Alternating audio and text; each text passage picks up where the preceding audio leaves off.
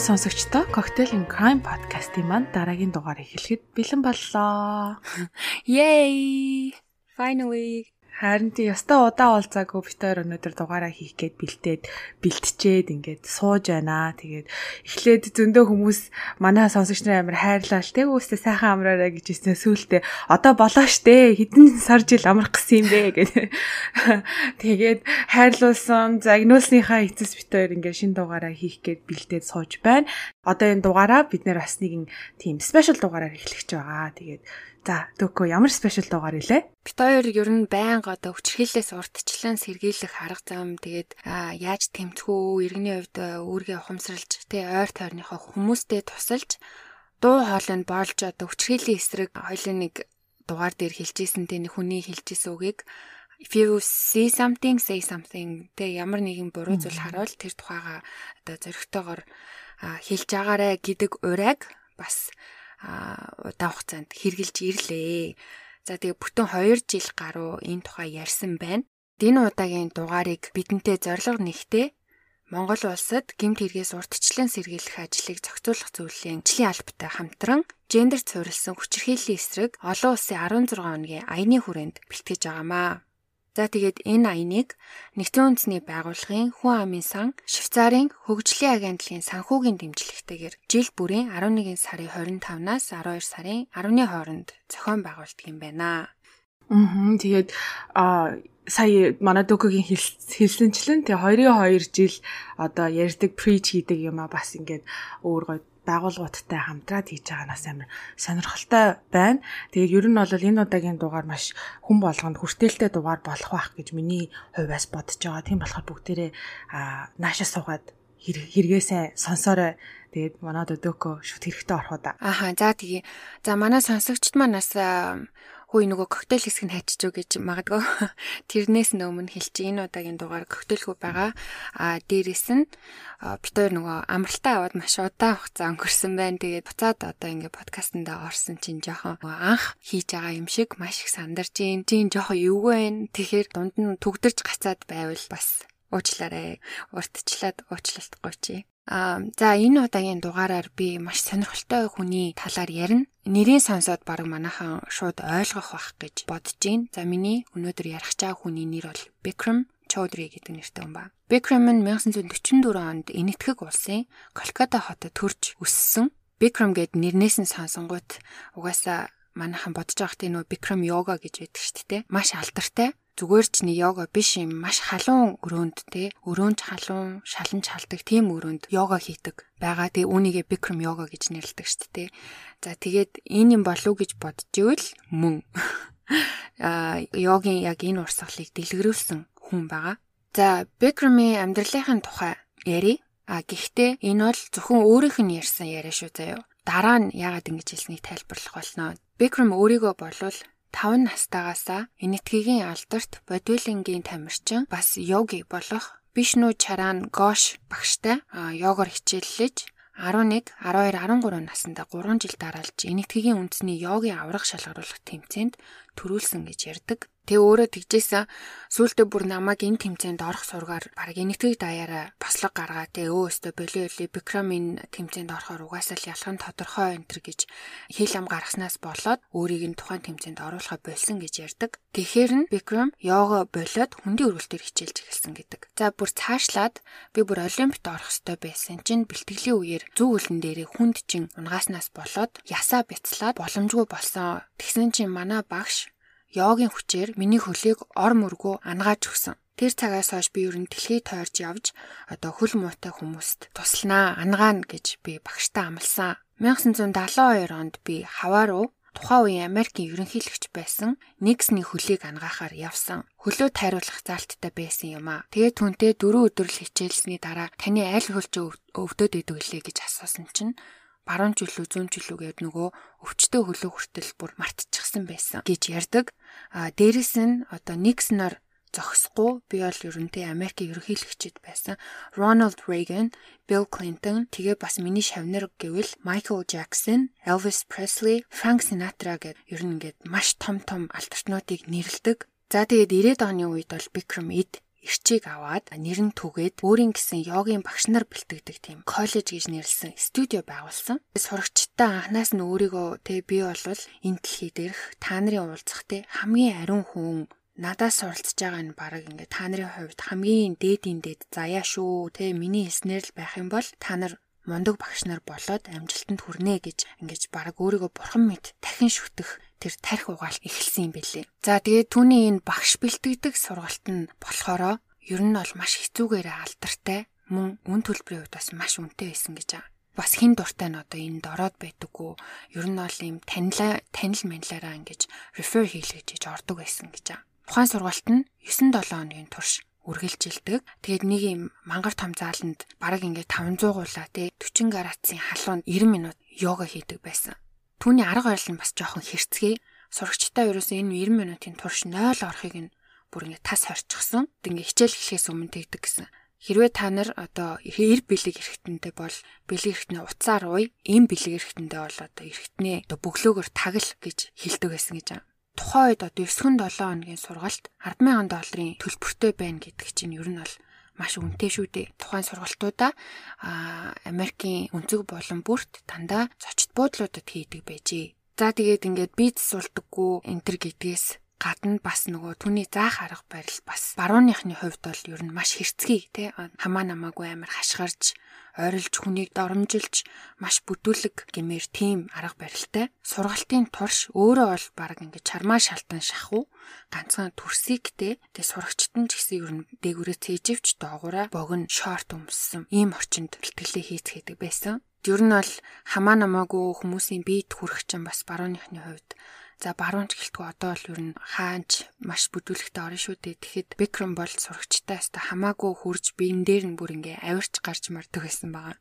Хамгийн гол нь одоо яагаад түүний сургалтыг заавал авах ёстой вэ гэхээр энэ хүмүүс бүгдээрээ йог багшлах тийм карьераа эхлүүлэх гэж очиж байгаа хүмүүс Түүний сургалтанд суухгүйгээр өөрөө би даж студи юусоо байгуулж болохгүй. Яагаад тэгэхээр тэр өөрийнхөө одоо энэ 26 поз, барилт, тэгээ хоёр амьсгалын дасгалаа ингээд нийлүүлээд оюуны өмчөөр хамгаалуулчихсан байсан. Тийм учраас яг энийг заамаар байгаа хүмүүс заавал өөрийнхөө энэ сургалтыг давж байж өөрөөс нь эрхээ авч иж студи түрээслэх эрхээ дараа нь авдаг гэж байна. Хэлжсэн штэ нөгөө тарих угаалт гэдэг тэр ямар учиртай вэ гэхээр ер нь ингээд дандаа өөрийгөө ингээд дэлхийн хамгийн ариун гэгийн хүн гэдгээр ярьдаг. Бикрэм йога хийснээр хүний баг идэхшгүй өвчин гэж байхгүй гэж ярьдаг. Ер нь л тэ өөрийгөө ингээд дахин шүтүүлэх тарих угаалт нь маш их явагддаг байсан нь одоо өөрийнхөө өлмөд хүртэл зүгдүүлдэг байснаар илэрдэг. За тэгээ дээрэс нь дуртай хүнээрээ дуртай үедээ те хөл гарандаа массаж хийлгэн. Ер нь ингээд сурагчтай сургацсан. Тэгтлээ дахин шүтцсэн байгаа хүмүүс чинь Бикрамд сонгогдоод гар хөлөнд нь хүрчтэй массаж хийж өгнө гэдэг нь баг ингээд нэр төрийн хэрэг юм шиг тэр community дотор ойлголттой болчихсон байсан. Бараг л одоо тийм coach шиг те community болгочихсон. Тэгээ Бекрэм өөрөө энэ сургалтаараа дамжуулаад маш их нэр алдарт хүрч одоо баг Холливуудын очиг амьдардаг байсан. Маш баян телевиз радиогоор байнга ярилцлага өгнө. Ер нь ер нь л юм од олчихсан байсан гэж хэлэхэд болно. За гэр бүлийн хувьд ярих юм бол Bikram Rajeshri гэдэг нэртэй эмэгтэйтэй суусан. Тэгээ яаж суусан гэхээр нөгөө arranged marriage гэж одоо хүртэл нэтгэгт байдаг шүү дээ. А өөртөө хүслээр биш цаанаас нь за чи энэ хүнтэй суу гэж хэлчихдэг эцэг нь Тэгээ тэгж суусан. Бикрамыг 40 хүрж байхад эхнэр нь 19 настай охин байсан бөгөөд яг тэр насандаа тэр хоёр гэрэлцгээсэн. Дундаасаа бол нэг эрэгтэй, нэг эмэгтэй юм хоёр хүүхэдтэй. Тэгээ эхнэр нь ингээ 19 дэгөөсөө Бикрамтай суусан цагаас хойш ер нь түүний туслахаар буюу одоо йогийг нь бас хажууд нь сурж сургалтанд нь тусалдаг байсан. За ингээд Бикрамын амьдрал яг ийм Холливуудын очиг маш гоёор өрнж яхад 2013 оноос эхэлж янз бүрийн үйл явдлууд болж ирсэн л дээ юу асан гэхээр 13 онд анх Сара гэдэг Бикрамын шав байсан хүүхэн анх шүгэл үлээснээр Бикрамын өөрийгөө энэ дэлхийн хамгийн гихэн хүн гэж бусдад итгүүлж исэн тэр дүр зураг нь бүр шал худлаа эсэргээрээ байсан гэдэг нь илчлэгддэг. А яг үнэндээ бол энэ бүх хугацаанд Бекрэм зөндөө олон охид бүсгүүчүүдийг өөрийнхөө нэр, эрх мэдлийг ашиглан бэлгийн хүчирхийлэл үлддэг байсан ил болсон. Сараг түүний багш бэлтгэх сургалтанд явдаг байхад янз бүрийн йогийн поз барьж ахт нь тэг засаж өгөх нэрийдлэр түүний биед нь ёс бусаар хүрдэг байсан позыг нь засаж өгөх нэрийдлэр бэлэг эрэхтнээ түнд хүргэхтэй тийм эвгүй байдалд оруулдаг байсан. Сара магадгүй одоо юм хэлэхгүй байхаар нь ч тэрөө цаашаа бүр давраад нэг удаа бүр хүчинтэх гэж оролдож исэн юм бэлээ. Сургалтаа болохоор дандаа эн тентгийн зочд буудалд хийдэг гэж хэлсэн шүү дээ. Сургалтын явцад бол оюутнуудаа бүгдийн тухайн зочд буудалд буухыг шаарддаг бөгөөд өөрөө ч гэсэн тэр буудалтаа буудаг. Гэр нь бүр яг хажууханд байсан ч гэсэн хамаагүй өөрөө тэр 9-7 хоногийн турш зочд буудалтаа буудаг байгаа нөгөө presidential suite буюу ерөнхийлөгчийн өрөөнд нь тэ мангар том өрөөнд нь өөрөө байнга байрладаг байсан билээ. Бикром бол өөрөө маш нойр муутай бараг шүн унтдаггүй шахуу тийм хүн юм байна л да. Тэгээ шүн болохоор л сурагчдаасаа өрөөндөө дуудаад хамт Болливуудын кино үзье. Би ингээ ганцаардаа байна мэн гэх янзаар ингээ дууддаг байсан. Тэгээ нэг удаа Сараг дуудсан байгаа. А гэхдээ яриагийн сонсоход бол тийм төвшөө сараагаас гадна хит хитүү хүмүүс байсан юм шиг байгаа. Тэгээ ингээ бөөнөрөө Болливуудын кино үзэж жагаад Сара гэсэн чи Бикремийн гаранд нь массаж хийж өгчээсэн гинэ. Тэгээд киноны явцад нойр нүрээд унтчихсан. Тэгсэн чи хамт явж исэн хүмүүсийнх нэг нь гинт Сараг сэрээгээд хөөй хөөй кинонд дууссан шүү бид нар явлаа. Явъя гэж дууцсан ба. Тэгсэн чи Сара нойрноос сэрээ өө заа гэ гутлаа хайгаад Presidential Suite чинь мангар том штэ. Гутлаа хайж гүйж явах хооронд нь нөгөө хэд нь орхиод гарцсан байгаа байхгүй юу. Тэгээд гутлагаас олоод араас нь гүгээ гарах гэсэн чинь гинет Бекрэм хаалгыг нь тэгэмж зогсчоод гарахгүй байснаа Сараг гинт толгооноос нь эхлээд ингээд хүзүү цээжийг нь үнсэж эхэлсэн ба. Тэр үгдээ Бекрэм Сарад энэ удаа би чамайг авах болно. Тэгээ одоо энэ удаа чамтай бэлгийн харилцаанд орно гэсэн утгатай юм хэлээд ингээ үнсгээ зогсооохгүйсэн гинэ. Тэнгүүт нь Сара хамаг хүчээрээ түлхээд гарын доогоор нь шургаад өрөөнөөс нь зүгтэж чадсан. Дараагийн одоо энэ хэлсэн үг нь надад амир өрөвдмөр ч юм шиг санагдсан. Өөрөө ингээд шоконд орсондоо ч тэр үедээ эсвэл тэр тарих угаалтаас болсон уу, айсан уу Тэр үед ингээд маш их айж сандарсан байсан мөртлөө явхдаа сайхан амраараа босс гэж хэлээд явсан гэсэн. За тэгээд энэ явдлыг ингээд сайраа зүгээр юу ч болоогүй юм шиг өөртөө итгүүлээд энэ тухай огтхонч дуртаагүй хэдийгээр ингээд цагдаад хэлээгүй ч гэсэн энэ тухай ганцхан хүнд хэлсэн тэр нь одоо хамт сургалтанд нь явж исэн маш сайн эрэгтэй найзтай хэлсэн. Гэтэл тэр эрэгтэй Яраагаар бол тухайн үед ийм зүйл болоод байгааг надад хэлсэн хоёр дахь хүн нь Сара байсан. Өмнө нь бас ийм юм сонсч ийсэн. Би нэг иймэрхүү үйл явдал болоод байгааг бол мэдчихсэн. А гэхдээ одоо тэгээ явахтай л гэж ботсон гэж аахгүй юу? Энэ сургалтыг гүйцээх нь Бикрамаас одоо зөвшөөрөл авч йогийн студид нээх нь бидний хувьд бидний карьертай мөнх санхүүтэй нэгт холбоотой бүр ингэ шууд холбоотой бидний санхүү яригдчихээн бидний цаашдын карьер яригдчихээн ийм болохоор иймэрхүү асуудлаас болоод би бол энэ боломжоо алдахгүй гэд өөрөө бол амаа амигсан ба. За ингээд хэрэгээ үргэлжлүүлэхээс өмнө хэдүүлээ нөгөө подкастын өмнө яригдчихсэн. Гендерт суурилсан хүчирхийллийн эсрэг 16 хоногийн аяны талаар товч ойлголт авъя гэж бодлоо. Чи ер нь энэ талаар сонсч ирсэн үү дулмаа? Ийм аян явдаг гэдгийг жил бүр. Ер нь яг энэ аяны тухай бол сонсож байгаагүй юм байлээ. Аха. Харин тийм би бас өөрөө сайн мэдээ мэдээлэхгүй байсан. Сонсогчд маань бас сонирхолтой байх бах. Энэхүү аян нь 1991 оноос олон улсад жил бүр 11 сарын 25-наас 12 сарын 10-ны хооронд явагддаг юм байна. Харин 1997 оноос хүчирхийллийн эсрэг үндэсний төвийн санаачлагаар манай Монгол улсад зохион байгуулагдаж байгаа юм байна. Тухайн аян бол ингээд жил бүр өөр өөр зорилготой, өөр өөр урайтай байдаг юм байна. Харин энэ жилийн аяны гол зорилго нь болохоор нандин бүхний хамгаалыг өөрийгөө гэр бүлээ орчин тойрно гэсэн урайндор олон нийтийг тэр дундаа ирчүүд хөвгүүдэд урайлан дуудаж байгаа юм байна. Нандин бүхнээ хамгаалж өөрсдийн амьдралтаа эзэн болж улам сайн сайхан амьдрахын төлөө эерэг арга замыг сонгож бие биедээ ижил тэгш хүндэтгэлтэй хандхыг уриалж байгаа юм байна. За ингээд буцаад подкастэнд оръё. За Сараг шүгэл үлээхэд бас нэгэн эмэгтэй буюу Лариса Андерсон гэгч өөрийнхөө түүхийг бусдад ил болгосон. Ларисаг болохоор Бикремтэй би чамайг алдар нэртэй болгоно. Надад итгэвтэй, надтай л ойрхон байх юм бол би чамайг маш алдартай йогийн багш болгож өгье юм уу гэж амлдаг байсан юм бэлээ. Тэгээ Лариса бүр ингээд гэр бүлийн хүртэл ойр дотн болоод Бикремийн гэрт нь очдог, их нэртэй нь хамт йогагоо давтдаг, хүүхдүүдийнх нь гэрийн даалгаврын төртөнд тусалдаг. Бараг ингээд гэр бүлийн нэг гишүүн шиг ойр дотн болцоос юм бэлээ. Тэгсэн чинь нэг орой тэр хэд одоо хамт байдгаараа Бикрамын герт байжгаад орой олоод эхнэр нь хүүхдүүдээ унтуулах гад мөн өөрөө унтах гад дээд өрөө рүүгээ гартаг. Лариса за би ч бас дэшээ гарч унтлаа гэсэн чинь Бикрам чи жоохон байж л да тэг кино хамт үзээ ийшээ суучих гэ хажуудаа суулгаж авч үлдсэн ба. За тэгээ нөгөө алдарт Болливуудынхаа киног тавьсан. Зургтын дуу нь маш чанга байсан. Бикрэм Ларисад ингээд хандаад юм яриад байсан юм байна л тэгээ харамсалтай нь дуу маш чанга болохоор Лариса сонсч чадахгүй нөгөө ярьж байгаа юм сонсох гээд айн гэ Бикрэм руу эргээд харсан чинь барьж аваад үнсэж эхэлсэн. Тэр доороо Лариса түүнийг түлхээд би үүнийг хүсэхгүй байна гэдгсэн чинь Бикрэм оо окей тэ зүгээр зүгээр намайг уучлаарай окей гэд ингээ боссон гинэ. Тэгээ босонгуудаа гараа өгөөд хөтлөөд өөр өрөөнд оруулахаар явсан. Тэр хооронд Лариса өгж оцсон гэхээр одоо энэ өрөөнд оруулж намайг унт гэж байгаа юм байна. Надаас ингээ уучлалт гуйж байгаа байх. Бит хоёртой хоёул хоёлаа өвөө адилд орчлоо таах юм бодоод явчихсан чинь түүнийг тэр өрөөндөө оруулаад хүчинсэн. Лариса болохоор тухайн үед бүр ингээ шоконд ороод юу ч хийж чадаагүй Тэгээд нөгөө бас л тарих угаалтж байдгсэн үү эсвэл одоо энэ карьертай холбоотой болоод ч тэрүү Лариса бас хүчндүүлснийхээ дараа хувц мовцаа ингээд буцаж өмсөнгүүтээ сайхан амраараа босс гэд тухан дээр нүнсээ тэгээд дээд өрөөрөө гарч унтсан гэсэн. Ингээд эмэгтэйчүүд шүгэл үлээгээд эхэлсэн чинь түнд ямар нэгэн байдлаар хүчрхийлүүлж байсан эмэгтэйчүүд нэг нэгээрээ зөрөгтэйгээр өөрсдийн түүхээ ярьж эхэлсэн. Нэг эмэгтэй хэлэхдээ би ингээ хөлийг нь массаж хийгээд байжсэн чинь одоо миний бэлэг хэрэгтнэ гэж хэлсэн байна бас нэг үйл явдал болсон нь нэг эмэгтэй ингээ машинд Бикрамтай тэгээ Бикрамын хажууд нь бас нэг охин суучихсан явж исэн гинэ. Тэгээ тэр эмэгтэй хэлэхдээ тэр хоёрын хооронд яг юу болж байгаа машин дотор юу болж байгаа гэдэг нь маш тодорхой байсан гинэ.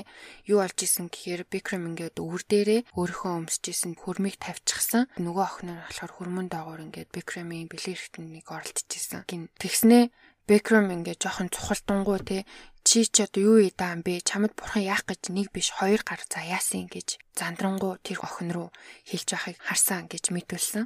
Дээрээс нь одоо даан ганц бэлгийн хүчирхийлэгч биш. Бэкрэм бол арьс өнгөний үзэлтэй бөгөөд эмэгтэй хүмүүсийг бол ер нь өөрөөсөө маш дорт гэж үздэг. Ерөнхийдөө гендрийн дискриминашн маш хийдэг байсан гэдг нь ил болсон. Пандора гэдэг нэртэй өнгөт арьстай эмэгтэй түүний бас шав байсан. Тэр хүүхэн болохоор гомдол гаргахдаа түүнийг арьс хүний үзэлтэй бас хүнийг ингээд оромжилж нэр төр талцсан гэдгээр нь гомдол гаргаж шүүхт өгч исэн. Бикрэм болохоор тэр эмэгтэйд ингэж хэлсэн байна. Эмэгтэй хүмүүс бол бүгдээрээ гिचийтэй янхнууд тэд зөвхөн хоёр хөлөө дэлгэхийн төлөө л төрсөн. Тэгснэ энэ хар гिचийг эндээс зайлвал энэ бол хорт хавдар гэж хэлж исэн гэж байна.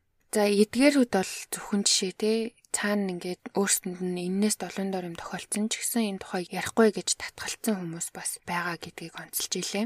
Бикрэм Минакши Жафа Боден гэдэг нэртэй хуульч эмэгтэйг бүр ингээ энэтхэг улсаас өөрийнхөө хуульчаар ажилуулахаар авчирсан Америк. Дэж хэсэг хугацаанд тэр бүх гомдол шүүх дуудагдсан өргөдлүүдийг няцаахаар тухайн хуульч ажиллаж исэн чинь нэг өдөр Бикрамтай ингээ уулзалт хийхээр гэрт нь очисон гинэ. Тэгсэн чинь хөвчлэн тэр хоёр зочны өрөөндөө уулзалтаа хийгээд явдаг байсан бол тэр өдөр Бикрам түүнийг унтлагын өрөөндөө дуудаад өөрөө ингээ хүнжилтөөрөө шургаж орсноо. Нааш ришээ суучих энд ярилцсан юм ярилцъя гэд хуйлч эмэгтэйгээ дуудсан гинэ. Тэр үед болохоор мэдээж тухайн эмэгтэй хичнээн одоо түүний хуйлч ч гэсэн эмэгтэй хүнийхээ хувьд хүчрхийлэгч гэдгийг мэдчихсэн учраас маш ихээр айсан. Амар эвгүй байдалд ороод маргааш нь тэг шууд Бикрами эхнэр дээр очиод уул нэм аминчхан ярьсан гинэ. Бикрэм энэ их эрх мэдлээ буруугаар ашиглаад ингээ удлаа. Тэгээ одоо бүр ингээ гомдол саналууд хүртэл ингээ ирдэг боллоо. Одоо ингээ болиулах цаг нь ирсэн юм биш үү? Тэ түүнийг одоо энэ их эрх мэдлээс нь жоохон ч гэсэн буулгах хэрэгтэй юм шиг байна. Жоохон ч гэсэн ингээ айлгах хэрэгтэй юм шиг байна. Ухааны юм хэлсэн чинь эхнэр нь хариуд нь чи өөрөө болгоомжтой байгаарай. Охиноо өөрөө бод. Тэгснээ ингэж хэлсэн маа. Let him have his girls. Тэр нь юу гэсэн үг вэ гэхээр тэр одоо босод охтуудтай тэгжилээ гэдэг тийг зугаацчихлаа гэд. Тэгээ ерөөхдөө бол деми ямар буюу одоо бикрамаар бити оролтоо гэсэн утгатай юм хэлсэн баа. Тэгээ энэ үгнээс нь харахад мэдээж ихнэр нь одоо энэ бүх үйл явдлыг бол мэддэг, мэддэг хэрнээ амаа амхаад ингэ дууга байж идэг болох нь тодорхой болсон. Энэ хоёрын яриа болсноос хэдхэн хоногийн дараа Бикрэм хуульч эмэгтэйгээ өрөөндөө гин аим шуурхаа дуудаад тэгээ яг одоо халагдах өргөдлөө өг үгүй бол чамд муу зүйлс тохиолдох болно шүү гэж сөрдүүлсэн ба. За ингээд Минакши ажилгүй болсон ба. Гэхдээ бууж өгөөгүй тун удалгүй Минакши өөрөө одоо өмгөөлөгч аваад Бикрамыг шүүхэд өгсөн. Бекрэм түүнийг ажлаас нь гаргангуудаа визийг нь хүчингүү болгоод Америкт одоо хуулиусаар оршин суугч болгоод машиныг хурааж аваад ер нь ингээ бүр юу юучгүй гудамжинд хайсан гэж хэлэхэд болно. Минакши өөрийнхөө хуульчтай хамт хөөцөлцөөр агаад эцэст нь 2016 онд нэг юм шүүх хурал нь болсон.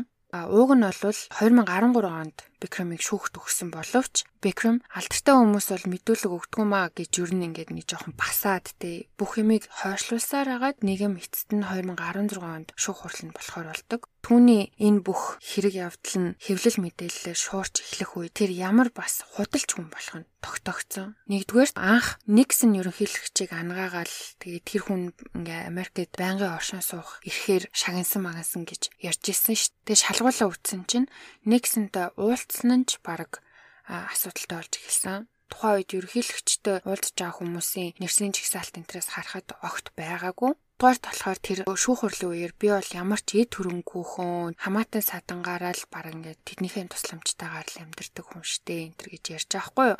А энэ бол үнэхээр амар сонсон хүн болгон инээмэр юм худлаа гэдгийг нь бүгд мэдчихсэн.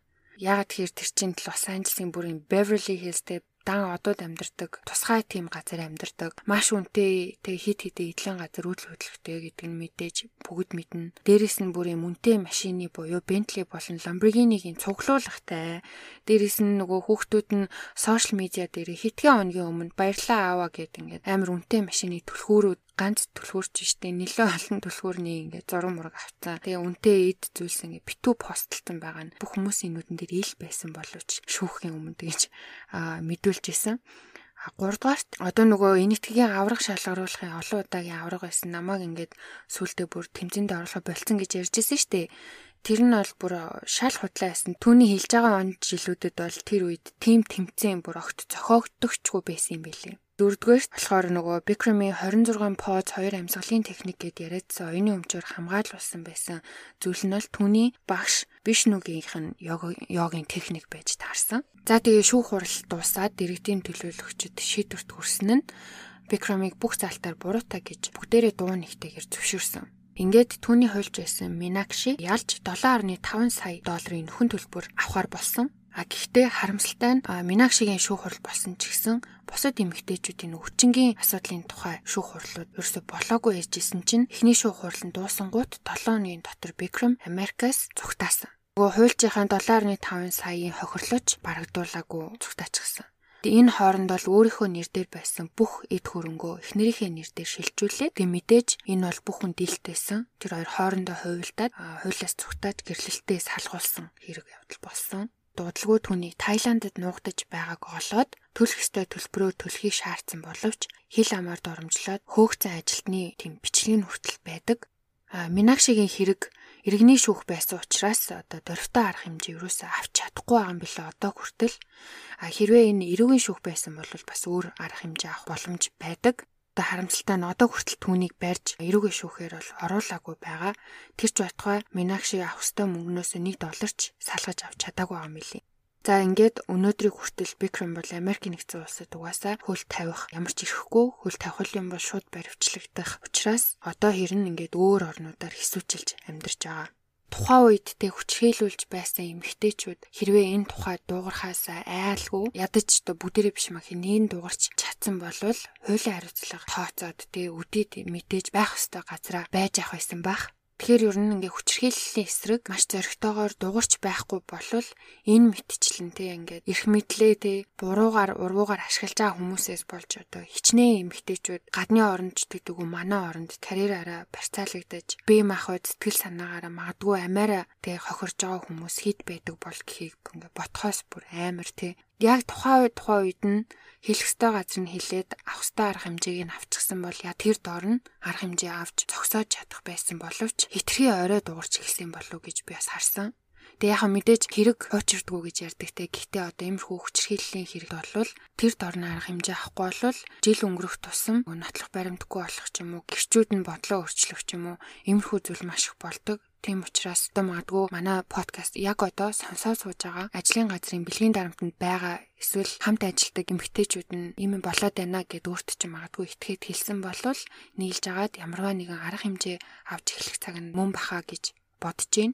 За тэгээд нэг ийм харамсалтай хэрэг муухай хүн байна. Аа гэтээ хамгийн одоо нэг юу хийндээ дургу өргөж байгаа уур хүргэж байгаа юм нь болохоор ямар ч хариуцлага хүлээгээгүй одоо ингээд өөр газар бас багшлаад явж ийн гэдэгт амар дургу үрж ийн. Харин тийм харамсалтай нь зөвхөн энэ хэрэг ингээд Америк дотор болоод өнгөрчихсөн ерөөсөө юм олон улсын хэрэг болж тэ ямар нэгэн шийдэл түрээгүүд нь амар харамсалтай дургу өрсөж байна. Гэтэ бас ингээ хүний ингээд карьерээр нь хүсэл ирмэлзэлтэй тийм амар гоё юм пашнтай зүйлээр нь боож эмгтээчүүдийг бас ингэж дэрэл дээрлэх чинь гэдэг бас амар зөвүүн би бүр дотроо ингээ бодоод уур үрэл сууж илаа. Ягаад гэвэл яг үнийг хэлэхэд бид нар эмгтээчүүд тодорхой хэмжээгээр бас нэг иймэрхүү юм өөрсдийнхээ карьер дээр бас мэдэрчил байсан байгаа тий. Зөвхөн карьер гэлтгүй өдөр тутмынхаа амьдрал дээр ч гэсэн ер нь бол мэдрэгддэг. Одоо тэгээд иймэрхүү зүйлийг их хэмжээгээр ч юм уу бага хэмжээгээр ч гэсэн ер нь бол амьдралдаа амьдралынхаа өөр өөр төвшөнд бол мэдэрчил байсан баг. Тэгээд чамайг ингээ ярьж хахад хамгийн түрүүнд дуугарсан Sarah гэдэг эмэгтэй бас тэр эмгөөлөгч эмэгтэйтэй өөдөөс нь хэрэг үүсгээд бас олон нийтэд ингээд босон явдлыг зарлж чадсанд маш их баярлж байлаа бас нэг эрэгтэй найзтай хэлсэн гэсэн шүү дээ сургалтанд ингээ явж байхдаа тий. Тэгээд тэр эрэгтэй найз нь энэ хэрийг одоо ийм зүйл хэлсэн хамгийн анхны хүн биш ээ. Өөр бас ийм тохиолдлыг сонсч ийсэн. Гэхдээ ингээд бүгдээрээ багш болохын тулд тий энийг ингээ дугуй ингээ өнгөрчий гэдэг нь амар харамсалтай байгаа байхгүй юу? Яагаад заавал бид нар өөрсдийнхөө тийм passionate тий ингээд одоо мөрөөдлийнхаа төлөө өөрийгөө биеийг ингээд золиослох хэрэгтэй юм бэ тийм үстэй тэрэн дээр нас амар юу хэмдэ эмгтэн хүнийхээ хувьд зүгээр хамаг цус буцлал сонсоо сууж илаа сая. Одоо ингээд эрэгтэй эрэгтэй эмэгтэй гендер бид нар нэг юм юу штэ нэг юм экосистем штэ нэг нь нэгэнгүүгээрээ байж чадахгүй те.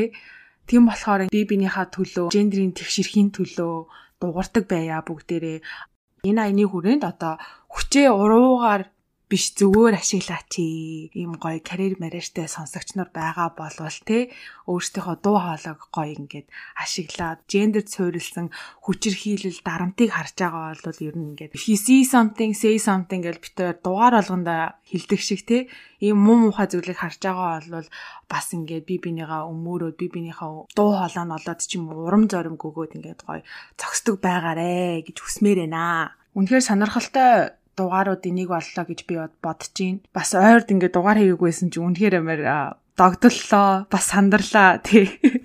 Аа. Манайхан бас одоо манай дулмаагийн хэлсэнчлэн аа дуурдаг байгаарэ, зөрөгтэй байгаарэ. Иймэрхүү тэ бикрэм шиг муу сайн гахаануудыг гэлчүүлээд яадаг бол ингээд зүгээр амьдруулмааргүй байна тий. Өстой нэр. За тэгээд бит хоёрын яриад байгаа аяны маань одоо 22 оны гендер суурилсан хүчирхийллийн эсрэг энэ аяны зорилгоудаас нь дуртахад бүх нийтийг гендер суурилсан хүчирхийллээс урдчлан сэргийлэх, таслан зогсоох, активист байхыг уриалж байгаа юм байна. Бүгдээрээ дуу хоолойгоо өргөж, энэхүү асуудлын талаар мэдлэгээ дэвшлүүлээд гендерийн тэгш байдлыг хамгаалахад та өөрөө манлайлагч нь байгаарэ. Тэг хин нэгнийг хүлээлгүйгээр өөрөө манлайлагч нь байгаарэ гэж уриалж байгаа юм байна. За бас манай аяны хоёр чухал мессежийг хүргэхийг хүсэж байна. А нэгдүгээрт бол хүчээ уруугаар биш зөвөр ашигла. Хоёрдугаарт эрхэм бүхнээ нандагны. Тэгээд саяны жишээн дээр гардаг шиг имерхүү хүчээ уруугаар ашиглаж байгаа юмнуудыг тэр доор нь арга хэмжээ авч хуулийн дагуу хариуцлага бас хүлээлгэх ёстой. Тэгэхгүй бол одоо иймэрхүү хүмүүс чи улам давардаг. Би бол хуулиас дээгүүр юм байна. Надад бол хууль үйлчлэхгүй. Эдгээр намайг яавал гэж, энэ муу намайг яавал гэж, энэ муу яаж чадахгүй гэсэн нэг юм муухай arrogant боталтай хүмүүс байдаг штэ тий. Тэгэхээр хинч хуулиас дээгүүр амтан бишээ гэдгийг нь бас байнга бит бүхэн сануулж ах хэрэгтэй гэж бодож जैन. Тэгээд ингээд бидний одоо хүн нэг бүрийн оролцоо маш чухал юм байна шүү. Үнэхээр сонирхолтой кейсийг сонгон авч бэлдэж биднэрт хүргэсэн дөгөөдөө маш их баярлалаа. Тэгээ бас энэхүү дугаарыг хамтран бэлтгэсэн гимт хэрэгээс урьдчилсан сэргийлэх ажлыг зохицуулах зөвлөлд маш их баярлалаа гэж хэлмээр байна. Хэрвээ энэ дугаар таалагдсан бол манайхан лайка дараа, subscribe дараарай. Мэдээж Facebook, Instagram дээр мэдээллүүдээ оруулах болно. А дээрээс нь нэмж хэлэхэд хамтран ажилласан байгууллага гимт хэрэгээс урьдчилсан сэргийлэх ажлыг зохицуулах зөвлөл нь өөрийн гэсэн гэсэн official Facebook-тэй байгаа шүү. Хэрвээ яг энэ нэрээр нь та хайх юм бол маш олон информацууд байгаа 16 хоногийн аяны тухай илүү мэдхийг хүсвэл. За тэгэхэд дараа дараагийн дугаар хүртэл түр бай. Bye.